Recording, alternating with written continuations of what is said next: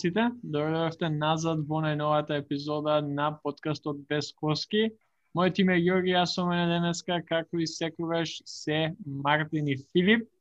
Здраво, другари, што има ново, како сме ова неделна вечер а, за време на полицијски? Па супер, искрено, денеска и предходни веденови до, до беше топло, Така што не знам малку повеќе време за шетање се игра баскет последно време. Нормално со придржување на на на мерки. Лажам малку. Okay, чекај се, чекај, чекај. Бидејќи јас сум истиот кој тебе кој што има играно баскет поеќе пати у последна година дена. Како жити се се одржува мерки додека играш кошарка? Добро се, а, види, јас се носам маска. Е многу тешко. Венко, многу тешко. Венко, ако не слушам, маска носиме додека играме. Да. Да, па и јас играм баскет оваа недела. и искрено да кажам, не почитувам мерки. Секако ќе ви излажам ако кажам Бака, дека да. Почитуваме мерки надвор од играњето баскет. Кога играме баскет, сега и да сакаш не можеш, ама барем на отворено сме. А, инаку Мартин ти по фалици играш тенис сега поега. Па тенис ти одличен искрен спорт за сега за време на корона индивидуален. Баш така мислам. Мислам нели со уште проти, еден противник имаш, освен ако не играте во први. Исто го практикувам и тенисот во последно време. Да. Ја бейсбол топ ние, така што не, Убаво е, баш интересно е тоа да се размислува дека колку само спортот ни фалеше, што за рекреација, што онака да гледаш и последниве е неколку недели, па и месец дена веќе гледањето бейсбол сме гледали и фудбал, колку само разлика има со навивачи. Многу е поразлично од, од колку празни стадиони. И мислам дека тоа е една од работите кои што е барем мене као некој кој што гледа поеќе различни спортови. Прво не ми не мислев дека е толку голема работа, ама сеако се гледа само бројот, нали, постепено враќање на на навивачите на стадионите, се гледа голема разлика. Да. Да, се согласам со тоа. И кога збориме за кога збориме за поеќе за поеќе спортови, сакав нели измината недела главна тема не само у спортот, не само у фудбалот, туку низ целиот свет може да кажам, барем за оние 3-4 дена додека траеше разговорот, беше Суперлигата, Европската фудбалска Суперлига, каде што ако не знаете, живеете под Карпа, 12 најбогати фудбалски екипи сакаат да направат затворена затворена лига, нешто налик на Евролигата, нешто налик на NBA, NFL, MLB, NHL лига, кај што они ќе си играат, ќе менуваат, ќе ротираат 5-6 екипи секоја година, ама нема испаѓање, нема промовирање за овие 12 екипи. Нешто видовме. Да, не успеа. англичаниве се крена навивачите и навивачи низ цела Европа и први Челси и Манчестер, Манчестер Сити, а после и другите се откажа. Барам сега за сега не успела, ама јас сакав да поразговараме на неколку онака можни сценарија бидејќи нели НБА лигата е лига од затворен тип, имаш 30 екипи, 30 франшизи, имаш од одреден број на играчи, околу 400, 420, 30 играчи нема поеге толку се. А, секоја екипа максимум на ростар може да има 15, а, 12 нели за, за време на, на утакмица. Сакав да поразговараме неколку различни сценарија. А, една и првото прашање, ако денеска, на пример, се формира, не знам, утекне на на, на Джини Бас и на некои други од собствениците, се формира NBA Суперлига. Кои 12 екипи ќе влезат у таа NBA Суперлига? Лейкерс и Селтикс се фиксни. Добро, Лейкерси, ја мислам, уште од старт мора Лейкерс, Клиперс, Селтикс, Не, Клиперс мо, може да се разговара за нив. не, не, не, не. Чекај, да. според сегашна Еле- екипа справа и Нью. Йорк мора да бијат. Као Да, Нью Йорк И Бруклин тоаш. Бруклин и Нью Не, не Йорк. Бруклин. Не Бруклин, Бруклин немаат историја. Ама џабе играат Па, во ама Йорк. тоаш и, и Клиперс немаат историја, ти Клиперс се има не... тоа-? Да. Тоттенхем има историја. Па види, за разлика од Клиперс и, и Никси, Тотtenхем се многу по историски важни отколку Да. Клиперс и Бруклин. Пазар, пазарот гледај. Ако се прави вакво нешто, нема шанси некој од двата најголеми пазари да не иде. Ма види, Арсенал се моментално во лоша состојба фудбалска, ама поради историја, поради пари и Е, па тоа ти Мислам. викам као, А, најбитни се фан базите моментално тука. Јас мислам, по моje, најбитни се фан базите. И тука си Бостон си превладуваат. Никси поради тоа што е најбогата франшиза добро. у НБА, три фиксни. Ја, ја пак ќе кажам, би ги додал, би ги додал Clippers и Nets исто фиксно. Значи, Clippers и Nets гледај ги као Манчестер Сити и... Юнайтед? не, не, не, не Юнайтед, туку Манчестер Сити и ПСЖ ќе рече, бидејќи нели, ПСЖ сепак не влезе, беше од тие почетни планови, ама екипи кои што последниве неколку години добиваат многу поеќе, као не дека до сега ги немало, ама и плюсен, чек, плюсен е најголемиот пазар, као играчи сега, тоа го зборевме, као кај ќе иде играч ако бира помеѓу LA или, не знам, Висконсин да игра за Милвоки. Ќе избере LA.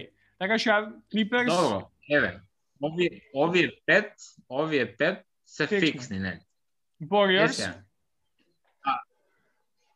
Океј, да, може Warriors имаат, мислам, тука се со титули Кари исто имаат историја, добри се. Чикаго Булс. Да, мора Чикаго. А, ај, Заради Чикаго да историја, оставиме фиксно. за на крај. Чекај, чекај, чекај, да оставиме Чикаго за на крај. Мајами, Мајами мора да кои се уште најголеми Да, Мајами, во НБА? Маја, Мајами би, да, Мајами би. Пошто мислам дека колку и лош тим да има Мајами, не, не, не сега, пак би имало некои звезди што би сакале да играат во Мајами. Как Флорида, Саут Бич. Да. Да, сепак Флорида. Едно заради тоа, друго Пет Райли и Ерик Сполстра, нели, ако останат, нели? А, Да. И, и би го водел тоа да, да, да не забравиме. Мора да гледаме кај се најголемите звезди. Као, мора Јанис да биде у лигава и мора Ембит да биде у лигава. Ама би ти рекол и, и пошто се согласувам со со Мартин за Чикаго, зошто за Чикаго, заради тоа што има и како, како а, многу фанови, многу фанови таму и кошарка ја се игра на, на многу големо ниво, така што мислам дека би, би добиле со Чикаго на popularity. Еве, у стил на Арсенал ми е Чикаго. Да. Да, да, ама, окей, може, ајде. Пишам после Мајами, Чикаго.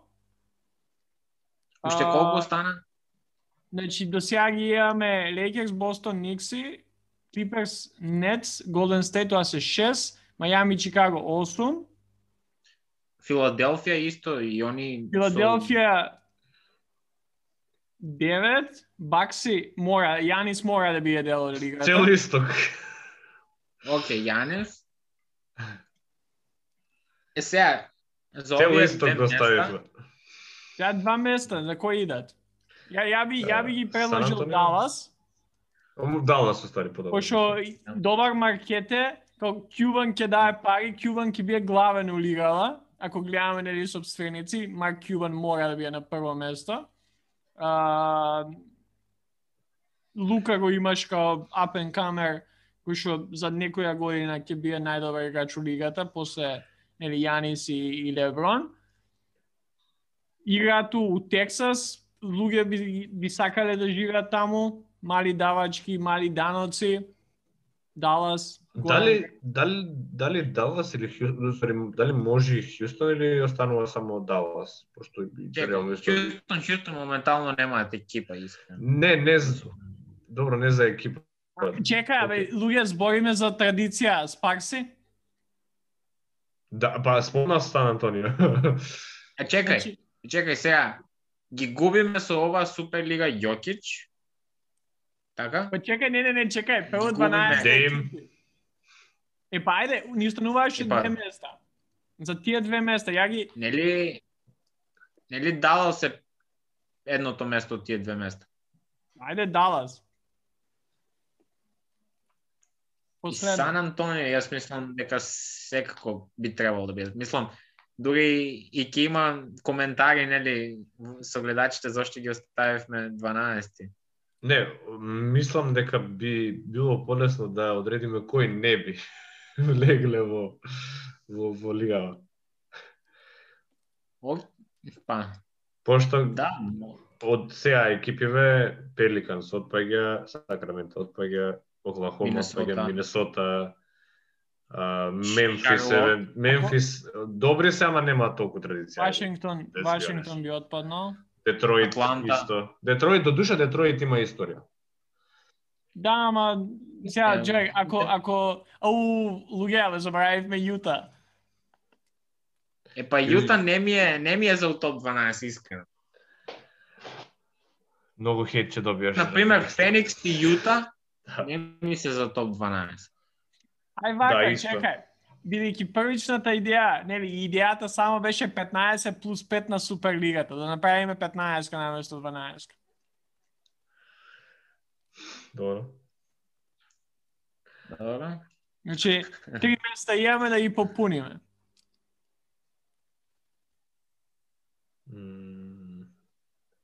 Еве, јас мислам дека со Денвер би можело да се направи нешто. Денвер. Некако Јута, истиот стейтмент, истиот стейтмент ми е ако да, ако оставиме Денвер, не ставиме Јута, оти Да. Јута дури подобра историја има од Денвер далеко. историски гледано, да. Да? Да, а Ама- последно последни години се толку добри. Тези моменти. Тама Да, ови одлично. Денвер го имаат Јокич што е Добро, не Јута има па баш- ама Јокич и Мари. Јута има па цела петорка, хемија има. Не, Јута има цел од ста, мислам, од онаа гледна точка, ама исто рамниште скоро. И јас мислам дека Портланд би би влегол како 15-та екипа, еве да речем. Мислам дека за ова треба онака и дискусија и каде каде се наоѓа, колку би гледале, колку нели да, да, ја тоа сега гледам по, по ростер, по ростеров на екипи. А, а, Портланд може би, Торонто заради Канада мора да иде. Торонто. Кај, кај без Канада? Последно, ја последно го гледам Торонто против Торонто против Портланд. Евентуално, ако сакаме да задржиме е у лигава,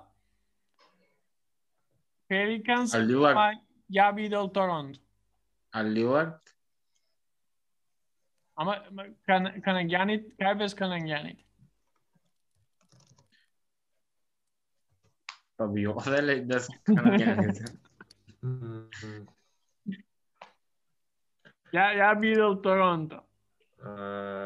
Дрейк, Дрейк би се би се бунел. да, да, мора. Торонто и Да, Портланд. Да. И јас сум за Портланд. Малку имам проблеми со интернет ако не ме слушате. Океј. Слушаме. Помеѓу Торонто и Портланд, Торонто, мислам. Бидејќи уф, тав тав кол, ама морам со Ѓоргинова. Во друга земја, ама и Лилард ќе не знам, по Твитови. Човек, Лилард ќе ќе одземе некој од екипи, као. Мислам, ова е интересно Лилард. да се види да се види а, како, мислам, не никогаш ова нема да случи секако. Ова е исто како да бираме како да бираме плейоф, на пример, ама нели, различно од сите сите имаме а, чекај баш да видам, ги имаме Лейкерси, Clippers, Golden State, тоа се 3, а, Далас 4, Спарс 5, Јута и Денвер а, 6 и 7, 7-8 имаме поделба, исток-запад. Тука некаде. Па, Ама не, Добро. таман, таман се Да, екипите, мислам, мислам дека се помалку. Да. Не, мислам, ова, знаеш, полесно е со затворена лига да правиш, бидејќи ги знаеш сите екипи, јачи, јачина на екипиве, што ти носат. И баш е, да, добро, не дека некојаш ќе се случи, ама, ама, ајде, може, баш ќе видиме дали кој, која екипа ја заборавивме или која не, не треба да бие, ќе ставиме некој пол на, на социјалните медиуми. А, второ прашање што го имам, а поврзано со Суперлигата е нели една од проблемите на Суперлигата е што би немало нели промоција, би немало испаѓање. Е сега, замислете НБА и Евролигата као две затворени лиги. НБА да биде прва лига, Евролига да биде втора лига. На Евролигата да им се качи буџетот, да биде под НБА, НБА Европа да биде. И ако и последните, не знам, две екипи од конференција, Исток и Запад, идат подолу, најдобрите финалистиве на Final Four на, на Евролигата идат у прва лига. Што мислите за таков концепт? Јас се кладам дека Пистонс ќе ги тепат на надолу Ефес.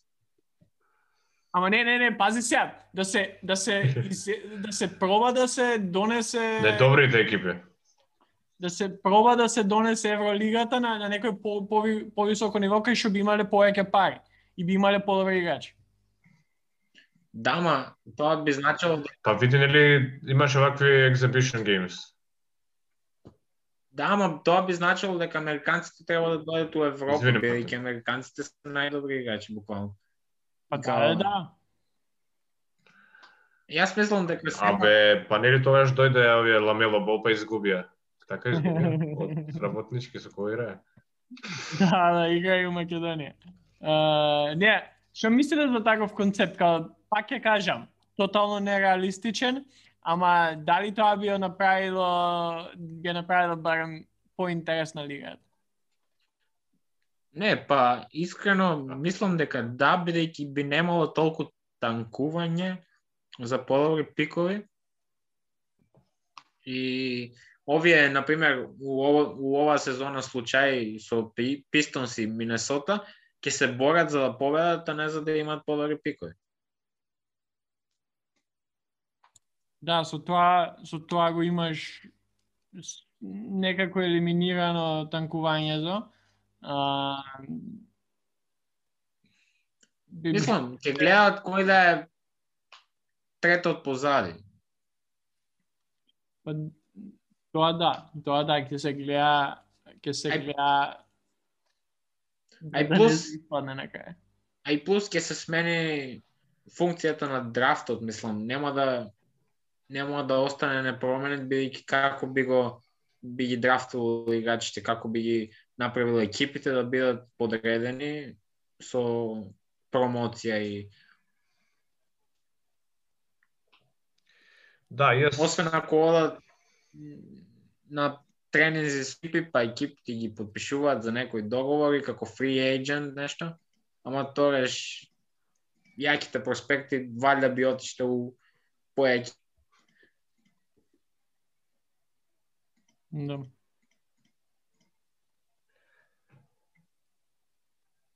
Добро. А, Искрено би Да, да. Не, јасно ми е. Чисто сакам малце да, да си направиме поинтересно дека, пак ќе кажам, установуваше помалку од месец дена до крајот на регуларната сезона, моментално ништо не се случува во лигата. А, па сакав малце, и ќе имам уште, не, уште две вакви теми до крајот на епизодава, ама нешто што се случува во лигата е, тоест, се дуелите а, на Денвер Nuggets и на а, Golden State Warriors. А, два пати игра последниве а, недела две а, и мислам дека моментално можевме, имавме можност да го видиме на, на паркет.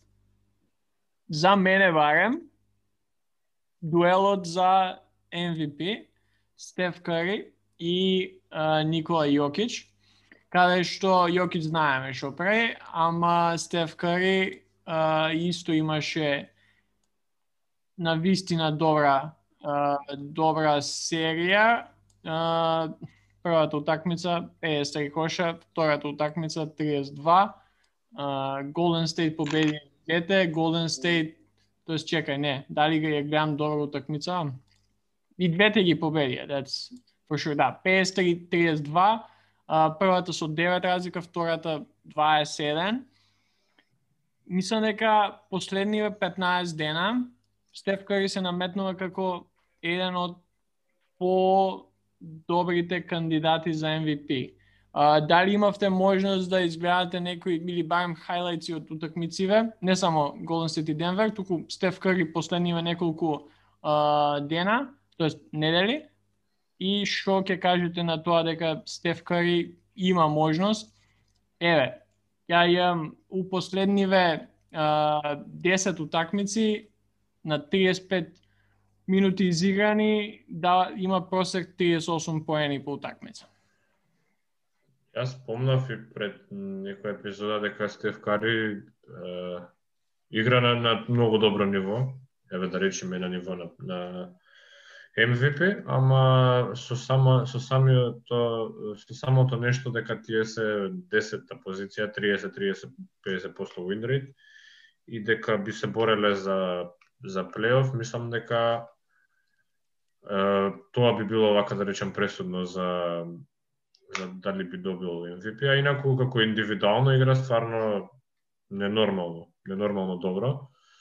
И е, сепак има тука некои би биле е, аргументи а, ако е заслужува MVP би биле би требало да бидат топ 5, да речеме, а не 10, иако Западов е не, нели, еве, колку има, пет утакмици помеѓу петото и десетото место.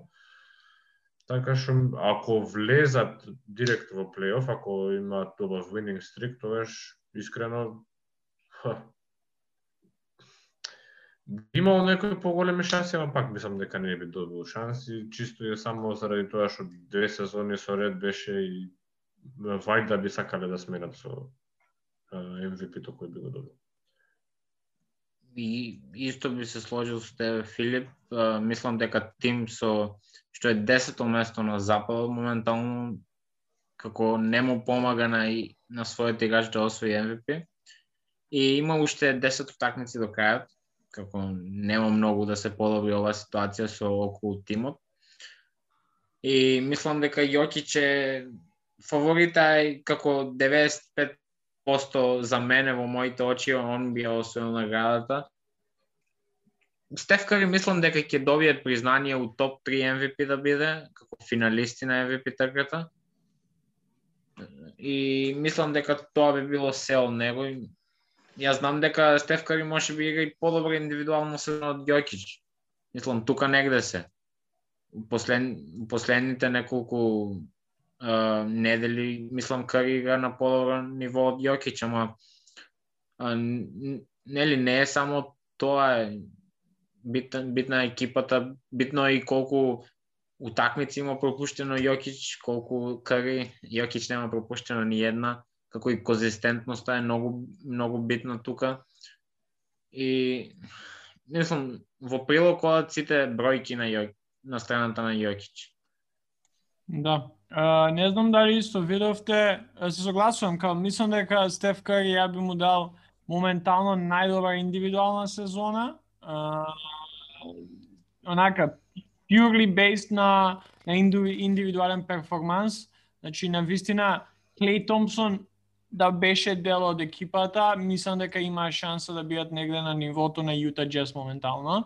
Као до толку мислам дека може да бидат можеби најдобри у а, најдобри на западот, ама поради тоа што знаеме како а, оди а, изборот на MVP, не е само индивидуален перформанс, туку е на вистина важно и колку екипата а, кој е перформансот на целата екипа. Тука Јокич ми е number one. Не знам дали видовте а, изјавата на Шекил Онил каде што рече дека за него а, Джоел Ембит е моментално MVP и а, вели неговите поени се повеќе од Јокич, има повеќе скокови, а, на Джоел Ембит би му дал 10 на Јокич 9,9 и управо е. Например, ако гледаме статистички, Ембит има 30 поени по такмица, 11 скокови, 3 асистенции.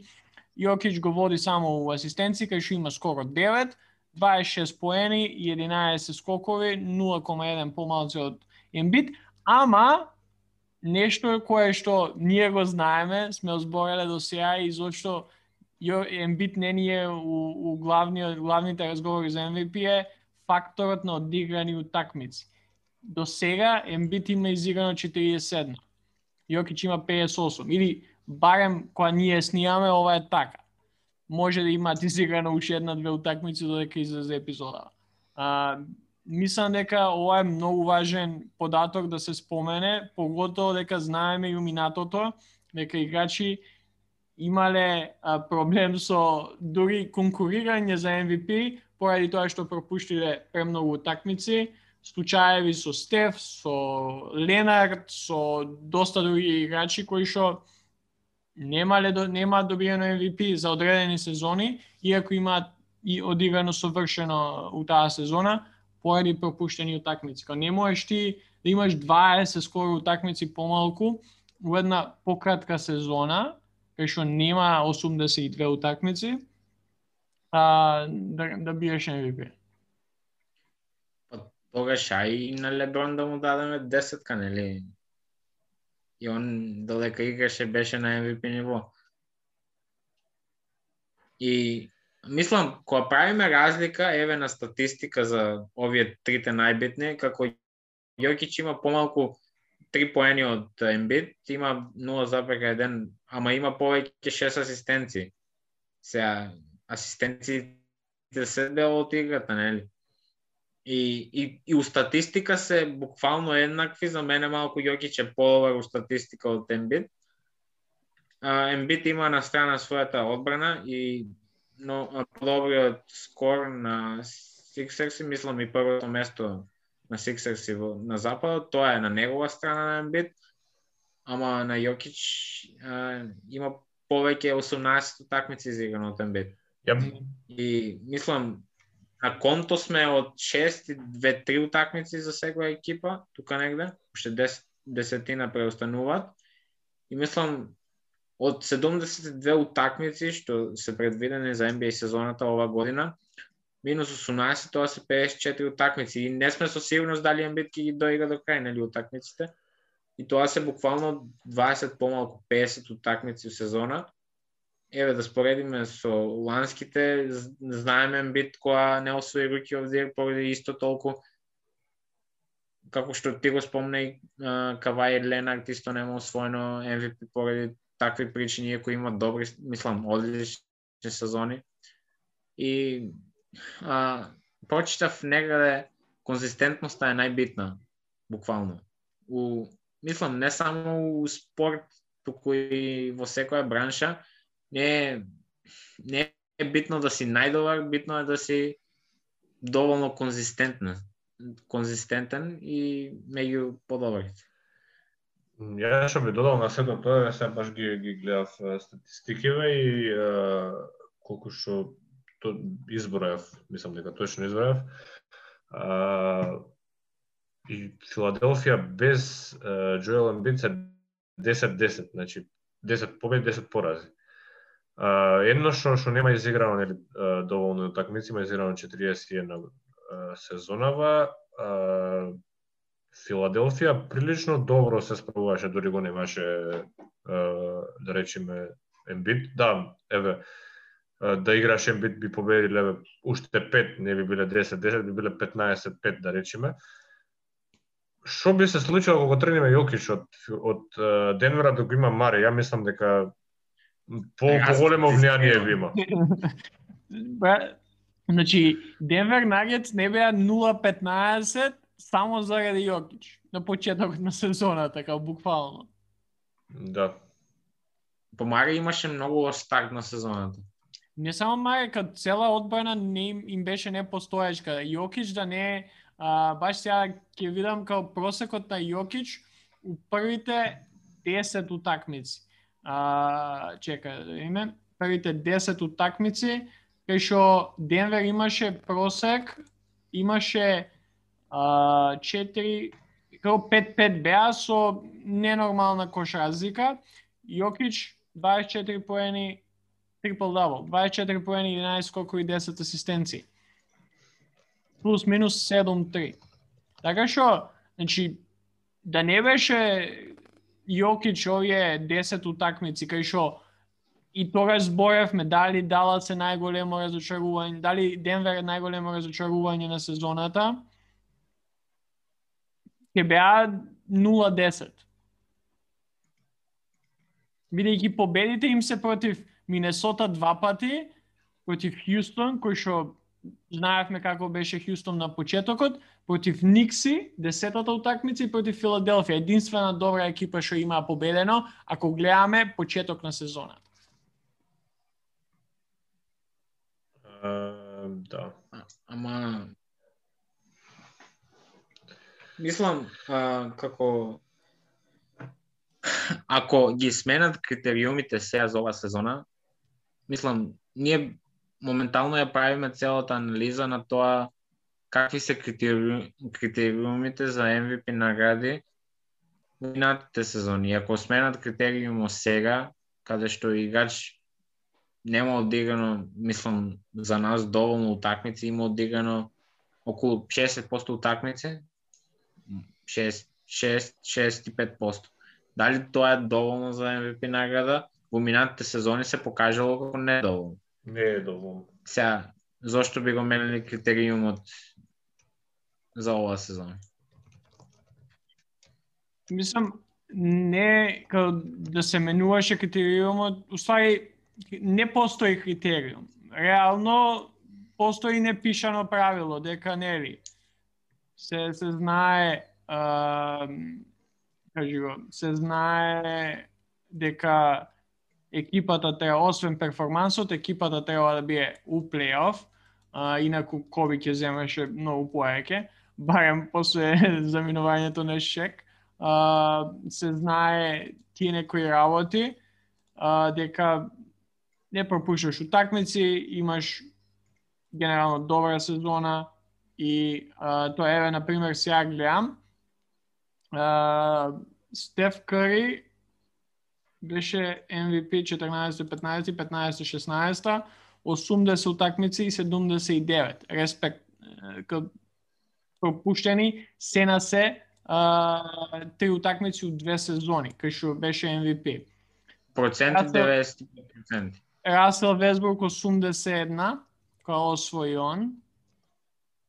А, Харден, Харден, која година освои? Харден беше 2017-2018, 72, значи има 10 утакмици пропуштено. Не знам колку е проценти. Марте, најде ти си со процентите.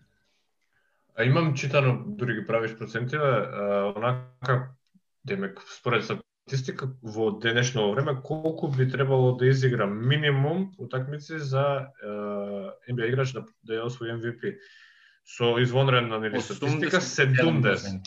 70 утакмици треба. Значи, Од е, 80 окей, имаме 71 Харден, а, да, да завршиме. Јанис, последните две негови сезони, а, 72, значи повторно на таа некоја граница, и 63, 87 63 од а, колку одиграни утакмици. Да, 60 утакмици, ше, а, не знаеме, кај за секоја екипа немаше а, ист број на утакмици. Бакси таа сезона изигра 73.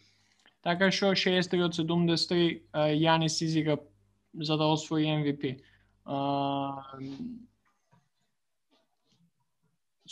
така што ако сега гледаме Ембит, чека да направиме и за него.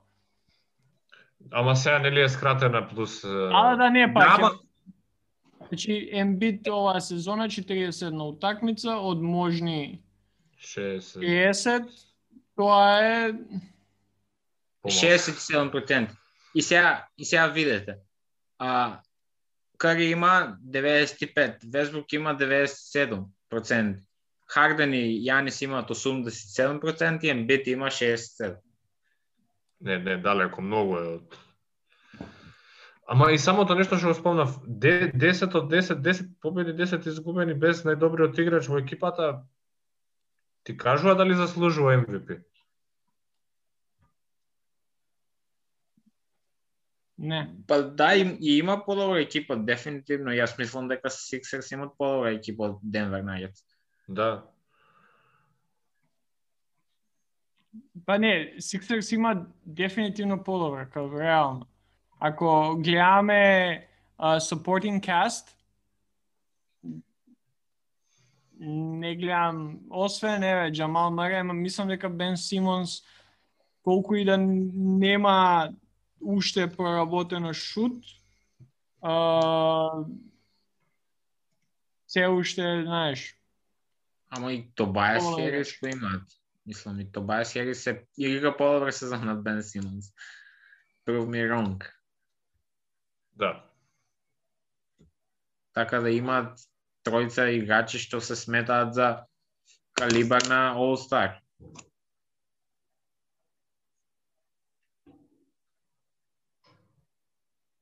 Тоа е како еве прв критериум на мене ми е утакмиците и, и никој нема приближно на Јокич. Со такви добри статистики и добар тимски успех. Мислам, солиден. Еве гледам и за Леброн, колку има пропуштено утакмици и тој има пропуштено 20, од тие 20 се Лекерс без него се 7-13 скоро. Значи далеко Добро, и помош. Дейвис тука. И Добро, и. Дейвис, ама пак. Како и да е, мислам дека а, треба некој чудо да се случи Јокич да не биде MVP. А, у стилот да не му дадат дека е европеец. Тоа, тоа мислам, тоа ќе ми биде најако, бидејќи може да се кладам ако ако не освои MVP од било која причина, насловите што ќе бидат кај нас у Србија поготово а, на Балканот не му дадо MVP заради тоа што е од Европа. Не, Европа има има доби, има свој MVP у лигата. Мислам повеќе ќе биде како од, од Балканот. Ама добро и од и Дирк има освоено. И Белец има освоено. Да, да, да. Европа. Ама добро и од Балканот, и од Балканот има, и од Европа има. Ова теза, ама не, јас јас сум прилично сигурен дека MVP ќе биде Јокич. Иако Да. зборуваат дека мож, можно се овие conspiracy theories, дека за тоа, за оноа. И може би американците ќе влечат сега со некои разговори за ја како на пример Шекил со Ембит.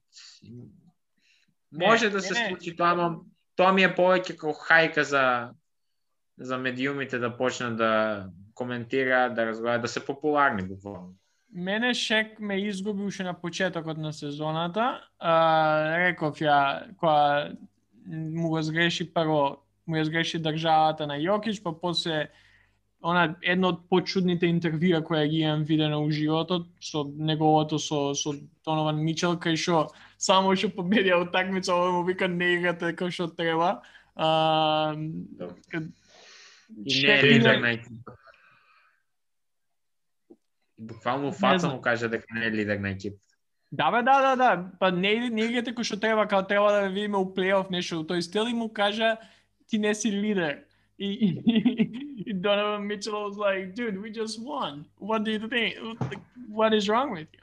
Ама добро, нема вез. А, шек е тоа за нас. А, окей, следните две теми. Тоест, пред да преминеме на следните две теми. Дали сакаме да разговараме за Никси, пошто има 9 по- победени Да. утакмици, Да. Го прашувам ова, не, не, не, го прашувам ова за да не ние да не ги урочиме, бидејќи сме познати по тоа. Uh, сетете се Како? на почетокот. Пречерс, пречерс да не не носат на души. Да, да, да. Прво да чекаме да изгубат Никси, па после да збориме за тоа колку се добри. Како сакаш? Па, не, видете, ова, ова епизода личи на малку долга малку, па. Ќе биде да да е. Па ај, тоа да ги оставиме Никси за следна епизода, се надеваме дека ќе имаат уште една добра недела. за малце ќе кажем, се надеваме дека ќе изгубат, ама не, не, не. Се Не, надеваме- барем 10 победи нека имаат, па после да, нека барем изгубат. 10. А, ќе оставиме Никси за следна недела, бидејќи а, Томас, не овој помладиот кој што не може да најде екипа, а, туку Аизеа Томас а, времето на Джордан, а, излезе со изјава дека за него најдобрите пет all-time европ... европски играчи у НБА лигата се а, само да ја отворам листа да не згрешам. Дражен Петрович, Пеđа Стојаковиќ, Тони Кукоќ, Влада Дивац и Дирк Новицки, петорка. Со што кажа дека Дражен и Пеđа се едни од најдобрите шутери на сите времиња. Јас се согласувам со него, поготово неговиот коментар за а, за шутери. Е, сега, што сакав да направиме? Бидејќи сме збореле, ако ако ви се слуша, баш со Стречер си зборевме најдобри европски играчи кои што играли во НБА лигата, идете, не знам, шеста, седма епизода, изгледајте ја топе 2 сати, 2 и пол сати, уживајте. А, сакав да направиме мала а, мала компарација. Да ние нашите, ние тројца да да составиме пет all time тоест петорка од all таймери европски играчи кои што имаат завршена кариера, значи не смеат да бидат моментално активни и петорка од европски играчи кои што моментално играат во НБА лигата и да видиме кој ќе победи.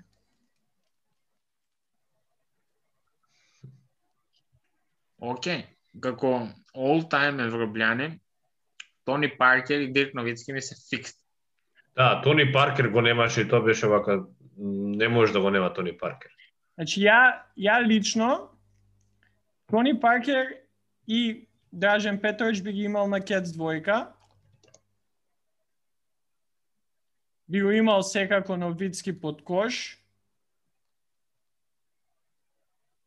Тројка, тројка е Пеđа Стојаковиќ, дефинитивно. Играше, барем за мене, има имаше долга кариера, у Сакраменто имаше И Олстар мислам дека беше. All-Star беше и со, со New Orleans после тоа.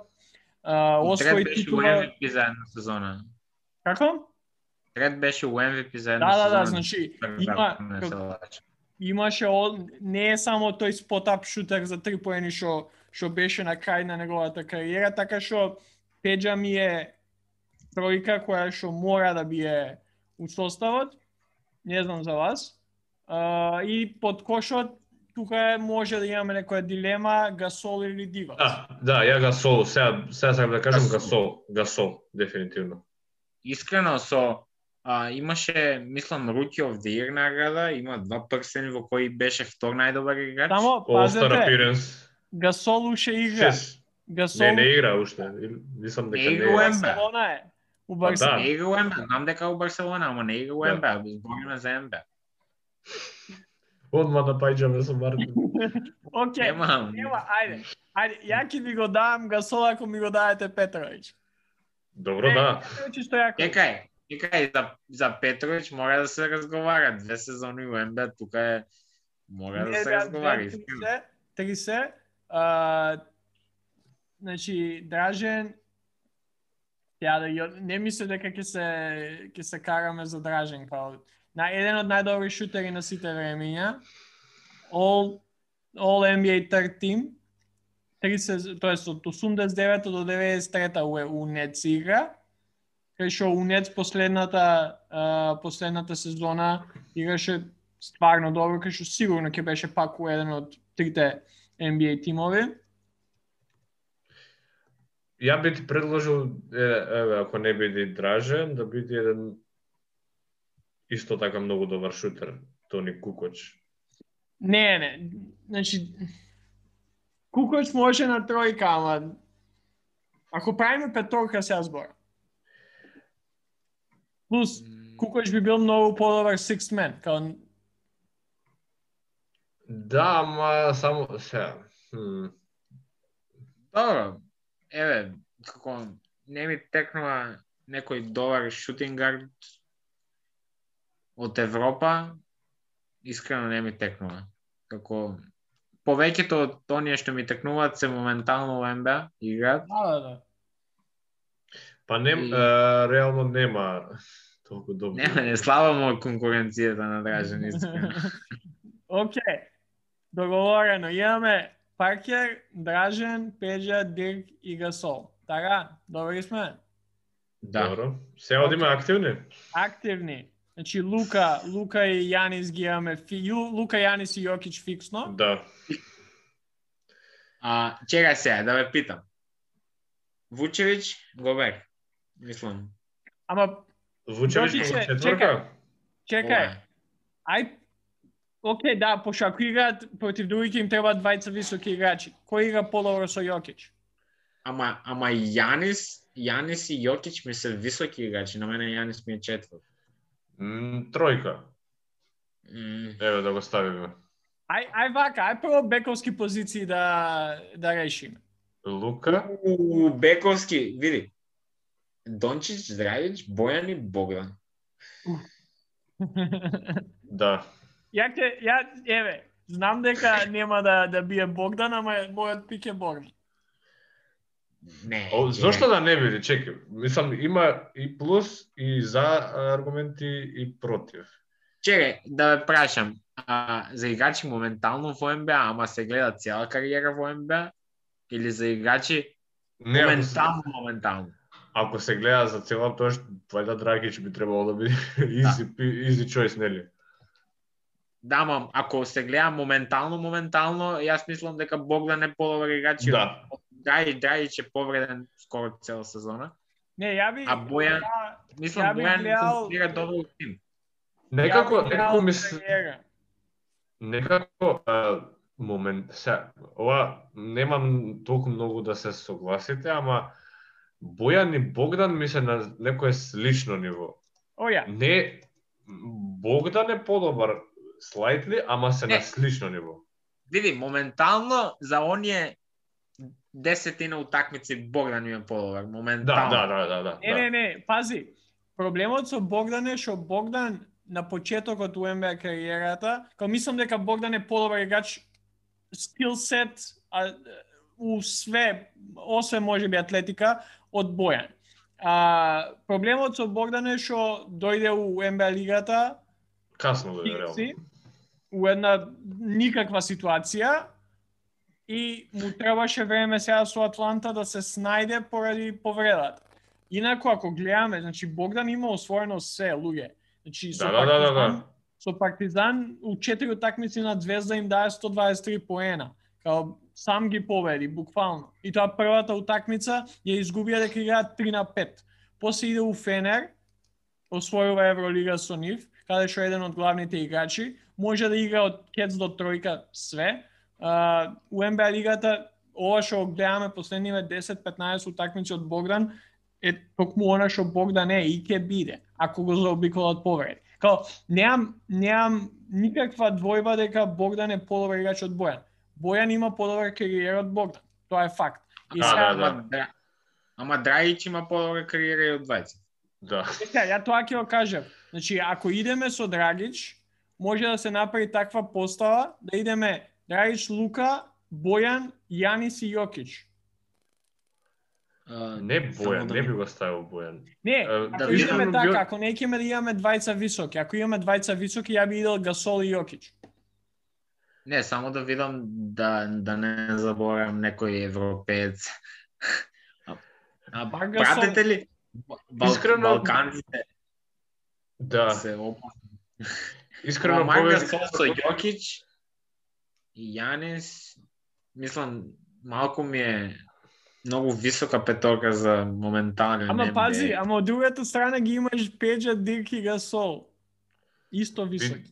Види, јас ако би оделе така, тогаш би ти рекол, и знам дека двајца да се- нема да согласите, ама еве да земеме и центар, два центри да земеме во Јокич и Гобер, во тоа што Гобер би играл баш онака рим протектор, Јокич би завзел четворка. А другото би, би рекол кој што спомна Мартин, не мора да биде Гобер, нели Вучевиќ. Ама тогаш имаш проблем со допири на топка. Повеќе од Е. со Гобер, мислам. Ако ако го избравме Пау Гасол наспроти Дивац, реално не можеме да избереме никој освен Гасол ако бираме втор центар. Добро, тоа да. Мислам Гасол е Значи, Марк Гасол има години и години кариера, има освоена титула, стандарден е секоја сезона. Као, ако гледаме кариерно активни Да, играчи. кариерно, да, кариерно, да. Да. Неспорно. Мислам дека има и подобра кариера од Гобер за сега. Да, За да. сега да и од Гобер и од Вучевиќ. Има и, и defensive player of the year. И плюс, плюс мислам дека не е проблем ако ги имаш Гасол и Јокич во екипа, бидејќи и двајцата не ти се класични центри. Па и двајцата може да, мислам да, се они центри, ама и двајцата се оке ако играат ако играат а, малце поразлично од она класично центарски. Мислам Да, дека па Јокич- Марк би му би сео на his ego и дека би играл надвор, да речеме, и нема да има проблеми колку поени би имал, така што би би рекол, окей, нешто ти давам простор да си играш твојата игра. Да, и тимот е опасно асисте, асистентски Да, да, да, да. тим. А, имаш Маргасол и Јокич, кои се ед, едни од најдобрите додавачки центри. И имаш Драјич и Дончич. I mean, би сакал и- таква екипа кај мене.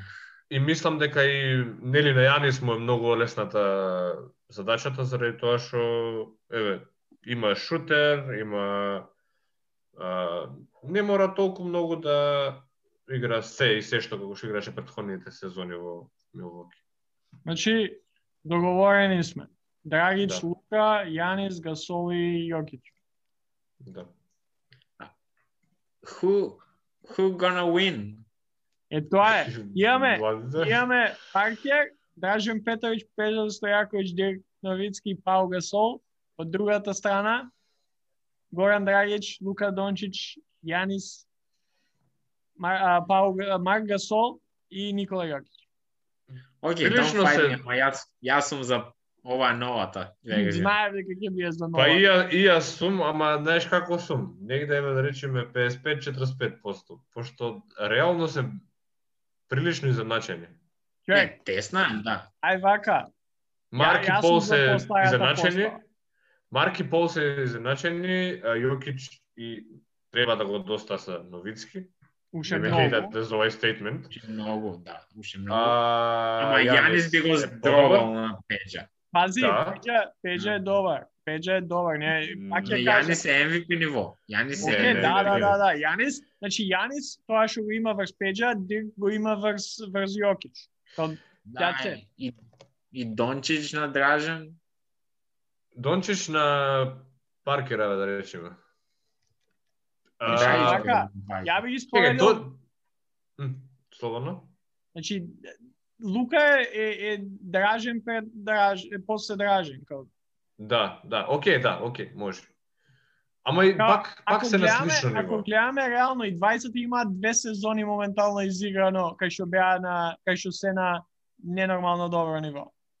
Ама. Дончич е подобар за сега. Дончич е... Е, Окей. Не, значи ја толку Дончич повеќе. Дончич може би да, ама сакам да кажам не е толку голема разлика ако ако ако сме окей Дончич е подобар. Не е толку голема разлика. Да, а Паркер, тогаш, Паркер е најдобар плей плей од Да, Европа. Тогаш Паркер го, Да. го, го кини Драгич. О, да, точно. И јас сум повеќе за ова што може да направиме? Знаете што така. може да направиме исто? Да им даеме евро, европски тренери. Јас знам еден... А, Од НБА? не мора, од НБА мора или? Ама нема Не, Не, не, нема ама да- нема европски оден да- да, да. Блат е единствен. Блат е единствен. не, не. Па не, и Ја- тој американец е. Желко Блет е американец. Желко Обрадович мора да биде еден. Да, да, сега баш ќе викам. Правиш на, на првата екипа, на првата екипа Желко. Желко. Ау, кој е вика нива да биде тоа? Таман му се погоди од двајца што ќе разберат. А, Желко на на кој е друг ајде чекај да видам. Мислам, ја имам пик, ама ајде прво вас да видам може ќе ви текне некој. Дуда Ивковиќ, Аца Николиќ, А, Аца Николич, да, реално Пабло Ласо не е толку лош тренер. Ако не, пази ако бираме Торе Месина е исто добар избор, плюс дека Да. Ако ако не ме веќе да залутаме 60 и 70 кај што може имаш а, Гомелски, го имаш Аца Николич, кој што и двајцата може да бидат. Знаеш кој е Да. а, а, а не ли би било паметно да направиме а, еден тренер што веќе не тренира и еден тренер што тренира? Може. Што значи Желко, значи Обрадович е на новите.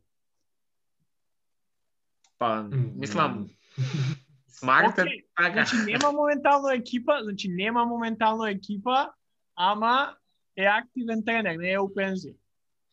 Друг што би спомнал, Пини Герсон на Милво, на на Милвоки, ле. На Макаби што му беше. Да, да, да, да, да, ми текнува, ми текнува. А, не, не, пази, Дуда Ивковиќ. Не, не, не, не до не до толку, ама сепак.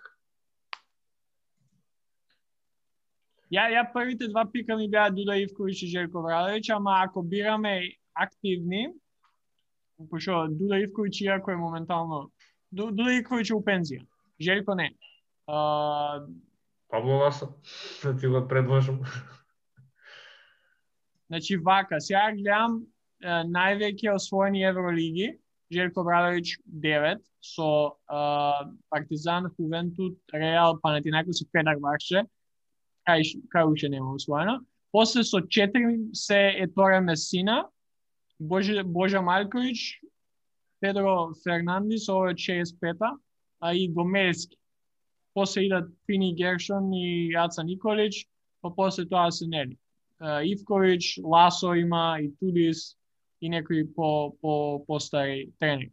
Ја викам Джеко Радович за едната Сега и? Торе Месина за втората.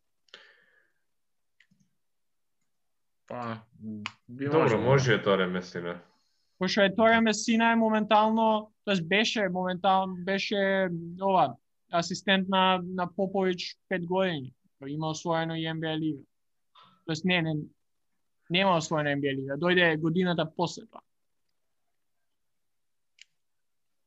Па, Значи, мислам Еторе дека- Месина е на новите, а Желко Врадович на, на старите. Ја, Уф, сега дефинитивно губат постариве заради Обрадович самото дерење. не, не, ја мислам дека тоа е тоа е клучот. Тоа е клучот. да, да, да, да, се, се, се шегувам само.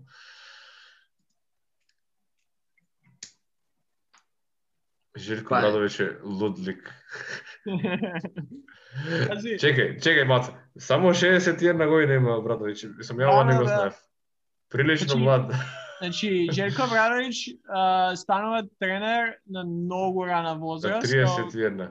Значи, на 31 и тоа станува тренер без, без ниту една година као асистент или нишо. До 91 игра за Партизан, 91 се пензионира, го зима Партизан, освојува Евролига у првата сезона. Да. That's the way you do it. Мислам, ја ќе кажев и Дуле Вујошевиќ, ама ајде да не да не претерувам. Е, ова е премногу а, како да кажам, еве, не објективно, туку субјективно. Субјективно. Не, не, не, пази.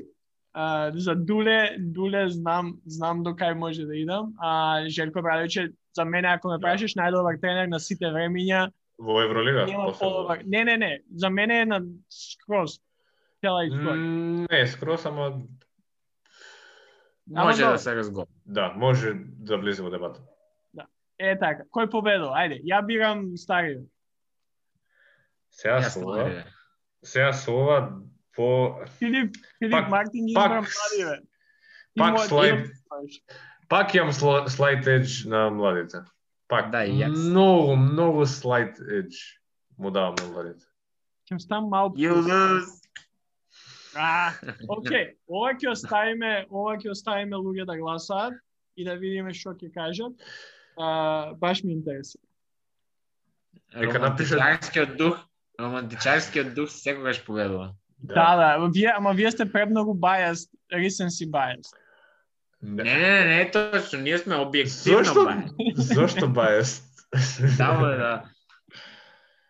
Не знам, почитуваме, почитуваме и модерно, иако романтиз, романтизмот е на старото. Ама романтизмот секогаш победува. Ја, ја, иску, ја на искуството му давам, ја на искуството му давам. Јас на квалитетот повеќе. добро, добро. Ја, чек, у едната екипа го имаш најдобриот стрелец на сите времења што има дојдено од Европа. Као што сакаш повеќе? Па у едната екипа го имаш единствениот двократен MVP од Европа. И еден од најдобрите млади играчи. У, а у која екипа И имаш играч најдобриот асистент на сите времења за центар. Да. А која До- екипа имаш. Имаш играч кој што има даедно 100 над 100 поени на утакмица. Тоа во Евролига. Да, не се. Вака бе, wait a minute. Не, се- не, кој? Дражен. А, добро, нема вeze. Мислам дека ако не претеравме со а, со дебатава, а, добро, ќе ќе видиме што ќе што ќе кажат оние што не слушаат. За крај го видов ова на на Facebook, ми излезе пред некој ден. Ви го Ја го видов и ништо не ми одговоривте, ама затоа ќе сега најдобар кошакарски филм на сите време. ова е тешко, пошто Не е тешко, actually. Кој би го избрал? Чекај, чекај, чекај. Да видам дали- Што размислуваме? Што размислуваме? Филип, помеѓу кој се Коуч Картер, да, коуч Картер. Филип, помеѓу кој се мислиш? Space Jam и коуч Картер. Коуч Картер заради тоа што не знам, најмотивационен филм, еве, неш за како е, тренеров ја средува е, е, екипава како му помага да победат, па е, не знам што треба тука да да додадам друго, а, земи го за факт дека го имаш Самуел Л. Джексон што глуми. Мислам дека и Ашанти глумеше во, во тој филм. Од друга страна го имаш Space Jam, што еве ако Коуч Картер го земам за најдобар, Space Jam е нај најпопуларен, да речам. Дефи, Да. мислам, дефинитивно најпопуларен, посебно помеѓу кошакариве, го имаш Джордан кој глуми во него. А, друг што е интересен е White Man Can't Jump, ама не би го ставил Не, да не. речеме во ист во ист Еве, Ако кош. Не би го ставил во ист кош. Мартин? Јас Glory Road и Coach Carter. Само Да, ја ќе спомнав Glory Road. Филип, не знам дали го имаш гледано. Да, го имам, ама моментално не ми текна, знаеш. Да, да, да, не. Glory Road ми е а, доста интересен, поготово приказната ми се ми се свиѓа премногу а, и добар онака. Ја се мислам помеѓу неколку, а, не знам дали го имате гледано Blue Chips. Ам, Со Шек. Мислам А, да, со Шек, А, Шек. да, да.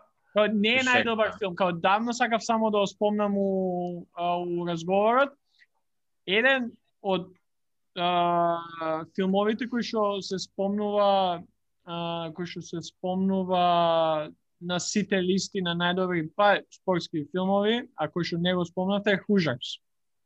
Да, Исто, Ама не ми се... тоа е Мислам, way, не ми е way back. да. Way Да. back ета. Е сега, ја кога гледам, кога збориме за најдобри, ја имам пикови за омилени филмови секако, ама кога збориме за најдобри, мене ме интересира кај кај била онака кошакарскиот дел најдобар. Стрикно кошарки, и ако гледаме така, ја мислам дека Коуч Картер, Да, Коуч Картер е едно од едно од подобрите. кај што имаш, не знам, мене секогаш ќе ми е јако кога ги објаснуваше начините на, на бранење одбрана, као а, со имињата на, на неговите сестри. Ама, ама, као, се игра на аспектот као Да. пресинг, зона, еден на еден, као имаш тие аспекти кои што у некои од овие филмови ги нема, као немаш толку, као, се, секако, малце чудно да пред прва утакмица само одбрана тренираш, као уопште да немаш спреман од напад, ама као, има има логика у сето тоа. Затоа ја мислам може ние да да да нафрлиме уште некој уште некој филм, ама еден филм со сите тројца го, го рековме Коуч Картер. Вака, ако од кошаркарски аспект за кошарка најмногу Коуч Картер, ако е за најинтересен, нај, не знам, популарен тогаш Space Jam, ако сакате за љубов, тогаш and Basketball. го заборавивме тој филм. Добар филм, смеш- Underrated е. Да, Underrated е, мислам дека е сосема добар филм, онака. Чизи филм е. Чизи Онака. да, Ама да, добар, да. као, ако, а- ако сакате со женска да гледате филм на дейт, Love and Basketball, као, И ако сакате кошака, не. Чекај, Да, прво да, треба па да прво, прво треба да има женски што гледа играат гледаат кошарка. А прво треба да сега- има женска. Да, чекај, чекај, чекај, чекај, досега такви се многу ретки. После после потешкото и треба да биде женска и да да бидете на дейт. Не, мислам дека Не, не, не, не, мислам дека за Love and Basketball може да помине и некоја која што не гледа кошарка. Ама за, например, ако сакаш Коуч Картер, ако сакаш Glory Road, Space Jam, овие, као мора да, да, да има некој познавање у кошарка, пошто ќе ти раскине одма. Не ти чи раскинеш пошто зошто да ти раскин ти чи раскинеш речеш како немаш појма од кошарка, како можеш ова да не знаеш.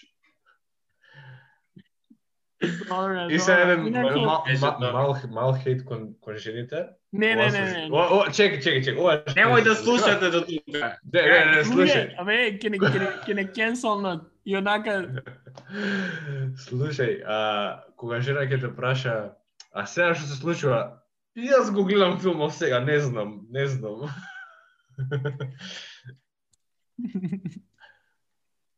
добро. Ова Да шалиме, да се нашалиме малку, да се нашалиме. сакав, сакав уште еден филм да кажам кој што може би не е толку кошаркарски, не знам дали го имате гледано The Way Back. Изминатава година излезе со Бен Афлек. Uh, стварно добар филм, овој ви го давам као за препорака. Е, у овој филм највеќе ме, ме, ми се свиѓа кошаркарските аспекти у него. Кај што Бен Афлек, short, long story short, се враќа у својот high school, тренира, uh, не ви дам спойлери, ама начинот на кој што е представено и тренизиве и, и утакмициве, навистина убаво за око, uh, не изгледа толку нереално. А како, Way како... Back. Мгм. The Way Back, разгледајте го, добар филм. И јас High School Musical.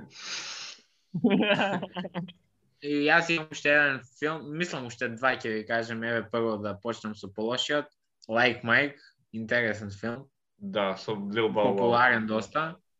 А и Небеска улица. Еј, да, да, да, да, луѓе, небеска улица го заборавивме. И јас знаеш за кој би го, би го, би, ви го спомнал, Semi Pro со Will Ferrell. Ако, ако го имате гледано тој филм. Ја го Немам гледано. Тоа е комедија до душа, тоа е онака ако сакаш да се Да, смееш. тоа го немам. Да, не, Небеска удица, Небеска удица е на вистина филм кој што сите емоции што ги има, што може да ги имаш, ќе ги, ќе ги, ги доживееш у гледањето на тие два сати од филмот, као колку и да е, сат и пол, два сати. Кај што а, Од Да завршиме со еден цитат. од поновиве филмови го заборавам еден Thunderstruck, ама тој не ме бендис. там не, не, не, не, не, не. Не. Поарно ќе исполнив а, како He Got Game, нешто со Рай Ален и Дензел Вашингтон. А сега ми излезе еден нов Finding the Way Back, овој го немам гледано, ова е 2020 година. Е, А јас тоа ти кажам. Oh, the, the way back. А, Овде finding the way back е my bad. Малце uh, brain on autopilot. Не, не, окей. Мартин, Ај завршине со цитатот кој што го имаш у главата. Знам кој е, повери. Знаеш кој мислам на македонски или на на српски? Е, пак ти не те била, значи. Значи, знаеш како се постае шампион? Така, Тако што излезеш на терен кад е најтеше и победиш. End scene. Кај на подкастот се слушаме следната епизода.